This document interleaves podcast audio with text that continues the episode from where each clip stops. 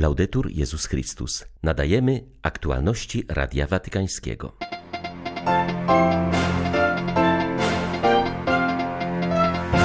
Trwa wizyta ad limina trzeciej grupy Episkopatu Polski. Biskupi odwiedzają w tych dniach watykańskie dykasterie. Za papieża i synod można modlić się również w sieci. W Watykanie zaprezentowano nową wersję aplikacji Click to Pray. Proces synodalny może być postrzegany jako wstęp do kolejnego soboru, uważa kardynał Dominik Duka.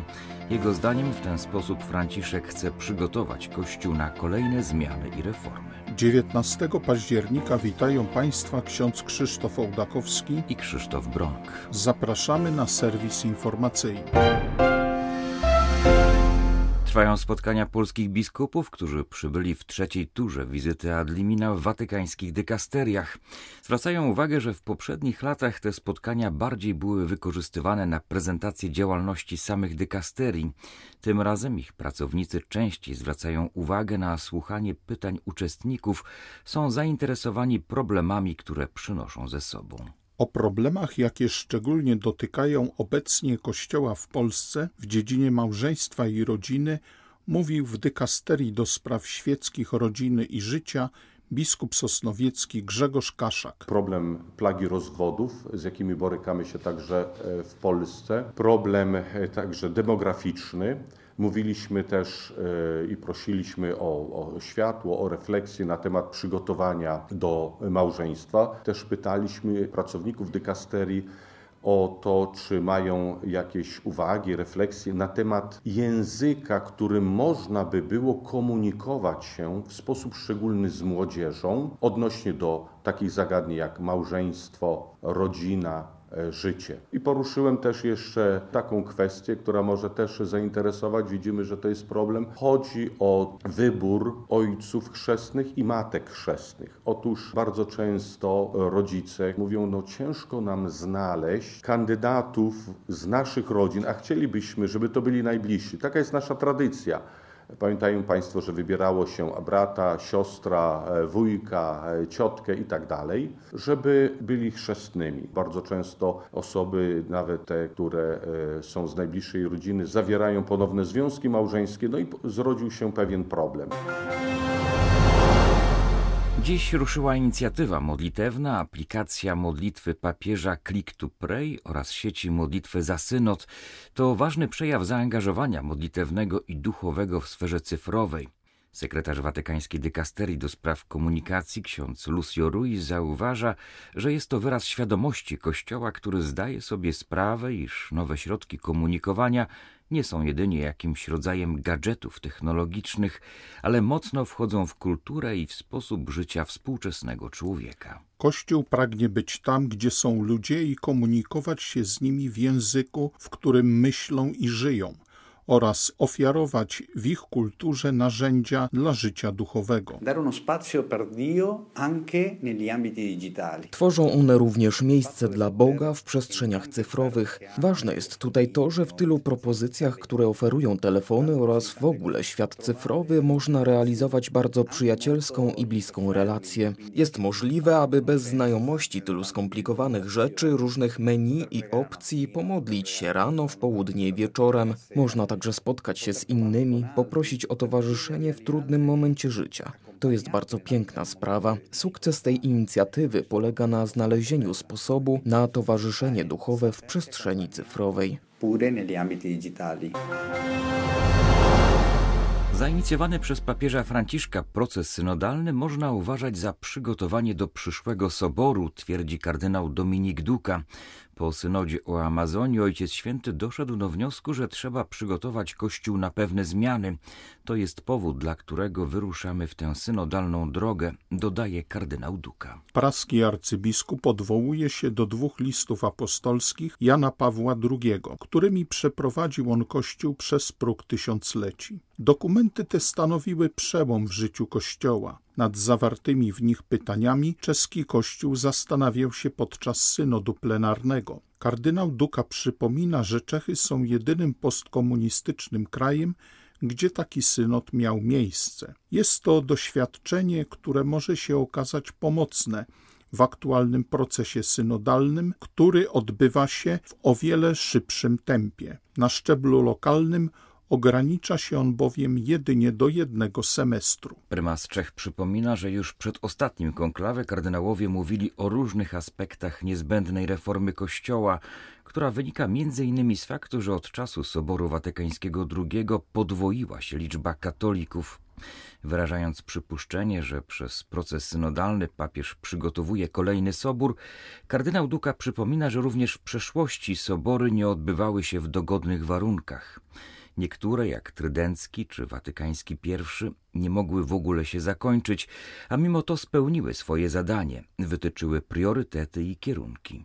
Nie budźmy się jednak, że to same dokumenty doprowadziły do zmiany i reformy, przestrzega prymas Czech, ta bowiem zawsze jest dziełem Ducha Świętego, a jej realizatorami są konkretni ludzie. Chrześcijanie w Wielkiej Brytanii łączą się w modlitwie po tragicznej śmierci Sir Davida Amesa. Jeden z czołowych polityków zaangażowany w obronę życia zginął w piątek, wielokrotnie ugodzony nożem. Pod kościołem metodystów, w którym doszło do zamachu, wciąż gromadzą się ludzie, aby modlić się i wspólnie przeżywać żałobę po stracie polityka.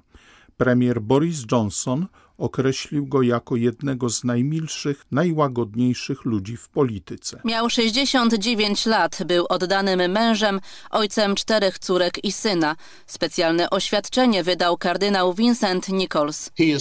Powołał międzypartyjną grupę parlamentarną do spraw relacji ze stolicą apostolską, w skład której wchodzili ludzie różnych wyznań.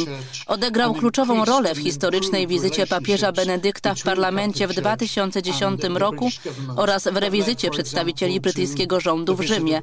Wzmacniał te relacje poprzez spotkania z kardynałem Parolinem, papieskim sekretarzem stanu oraz z innymi katolickimi przywódcami. Znany jako osoba głęboko zaangażowana w obronę i obecność wartości ewangelicznych zarówno w brytyjskim prawodawstwie, jak i w życiu publicznym zawsze głosował za prawem do życia bez wyjątku, przeciwstawiając się aborcji i eutanazji. Znany był również jako przyjaciel Polski. Współtworzył międzyparlamentarną grupę posłów, którzy interesowali się kwestiami związanymi z Polską. W dochodzenie zaangażowano kluczowe instytucje śledcze Wielkiej Brytanii, w tym wywiad MI5. Na miejscu zdarzenia pod zarzutem morderstwa aresztowano 25-letniego Brytyjczyka pochodzącego z Somalii. Scotland Yard wiąże incydent z ekstremizmem fanatycznych islamistów. Dla Radia Watykańskiego Elżbieta Sobolewska-Farbotko, Radio Bobola, Londyn. Jako członek ordynariatu dla byłych Anglikanów przystąpiłem do pełnej jedności z Kościołem katolickim, zachowując jednocześnie to, co kocham w anglikanizmie. Piękno liturgii, miłość do Biblii i pastoralne zaangażowanie w społeczeństwie, pisze Michael Nazir Ali, do niedawna jeden z najważniejszych biskupów wspólnoty anglikańskiej w Wielkiej Brytanii. W tych dniach przyjął on wiarę katolicką i jeszcze w tym miesiącu zostanie wyświęcony na katolickiego kapłana. W artykule dla Daily Mail wyjaśnia powody swojej decyzji.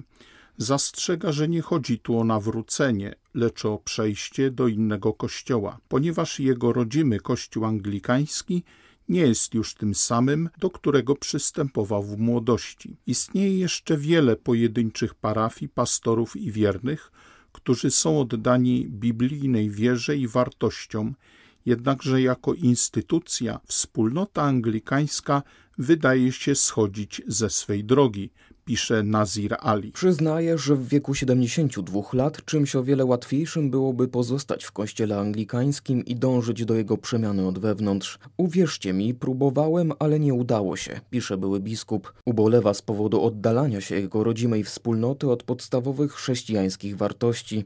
Podkreśla, że ludzie, którzy idą do kościoła, zwłaszcza ci, którzy robią to sporadycznie, szukają tam obecności Boga i nauczania Chrystusa, a nie jakiegoś widowiska czy seansu jogi, w którym Biblia, modlitwa i liturgia zostały odstawione na bok. Nie rozumie on również, dlaczego tak łatwo rezygnuje się z obrony chrześcijańskich wartości. Przed wiekami zwierzchnicy Kościoła byli gotowi oddać życie za swoją wiarę i w całym świecie są chrześcijanie, którzy nadal to robią. Nie stając w ich obronie i nie broniąc podstawowych wartości chrześcijańskich, zdradzamy ich, podkreśla Nazir Ali.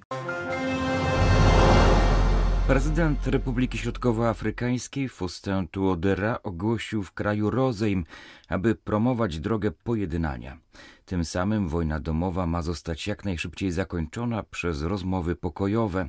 Ten apel jest oznaką dobrej woli, ale krajem wciąż wstrząsa przemoc i liczne napięcia, uważa karmelitański misjonarz ojciec Aurelio Gadzera. Wystąpienie prezydenta wystosowane do narodu ogłoszono w całym kraju przez rozgłośnie radiowe. O reakcjach na słowa prezydenta mówi ojciec Gadzera. Niestety jesteśmy sceptyczni, czy ta kolejna próba cokolwiek zmieni.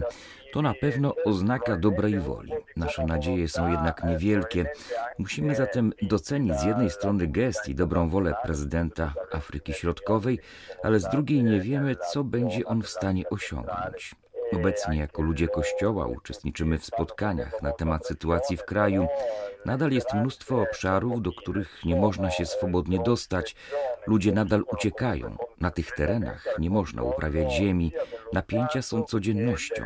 Dialog jest możliwy tylko wtedy, gdy wszystkie strony mają dobrą wolę. Obecnie jednak nasz rząd idzie na rękę rebeliantom, którzy żądają stanowisk w wojsku i gabinecie premiera. To nadal się dzieje. Społeczność międzynarodowa powinna zrobić więcej, nawet poprzez przymus, stosując nacisk. Nie możemy tak dłużej żyć. Kraj od lat jest na łasce każdego, kto ma wystarczające środki, aby się zorganizować i podbić część terytorium. W kraju potrzebujemy realnie działającego aparatu sprawiedliwości. Specjalny sąd karny istnieje, co prawda od pięciu lat, ale z tego co wiem, nie odbył się w nim jeszcze ani jeden proces. Miłosierdzie wymaga sprawiedliwości.